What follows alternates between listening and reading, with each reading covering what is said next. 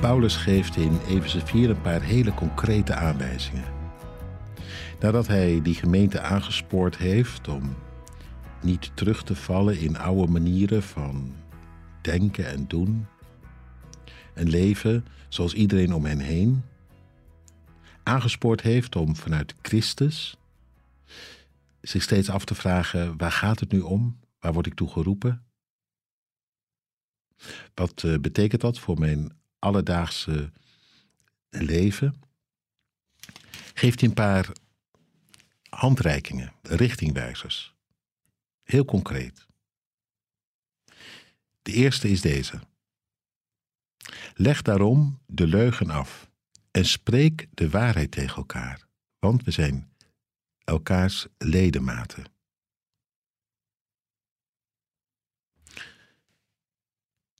De leugen voorbij komen.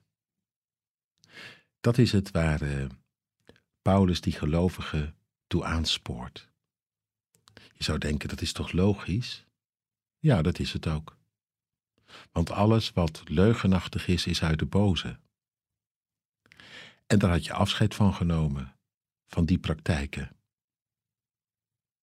Dus ja, je zou denken, in het licht van Christus word je waarachtig, transparant, eerlijk, betrouwbaar. Geen leugen meer. Blijkbaar valt dat toch nog een beetje tegen. Anders zou Paulus dat hier niet op zo'n expliciete manier zeggen. Dan hoeft hij daar de vinger niet bij te leggen. Maar het gebeurt wel. Zelfs als een gebod. Leg daarom de leugen af. Blijkbaar beter zomaar mee behept. Leg het af. Heel bewust. Maak een keus. Zeg tegen jezelf: het moet afgelopen zijn met alles wat liegt en bedriegt, wat onbetrouwbaar is en niet deugt. Spreek de waarheid tegen elkaar. Tegen wie ook maar. Sowieso tegen je broeders en je zusters.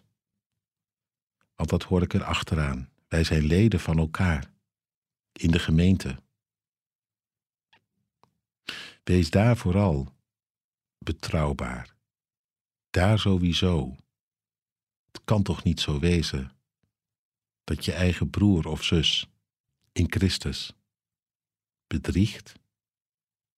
Dat hij niet op je rekenen kan, niet op je aan kan? Dat hij argwanend moet worden omdat jij niet te vertrouwen bent? Dan weet je toch zelf ook wel dat dat de verhoudingen verziekt. Nou ja, in de gemeente zeker daar komt het erop aan, maar je voelt natuurlijk met mij mee. Dat begint nog dichter bij huis, gewoon thuis. En uh, dat heeft ook een veel breder bereik in de wereld. Ja, daar ook vooral, al zegt Paulus het hier niet zo expliciet. Want wee je gebeente als ze daar ontdekken dat jij als gelovige de boel bedot.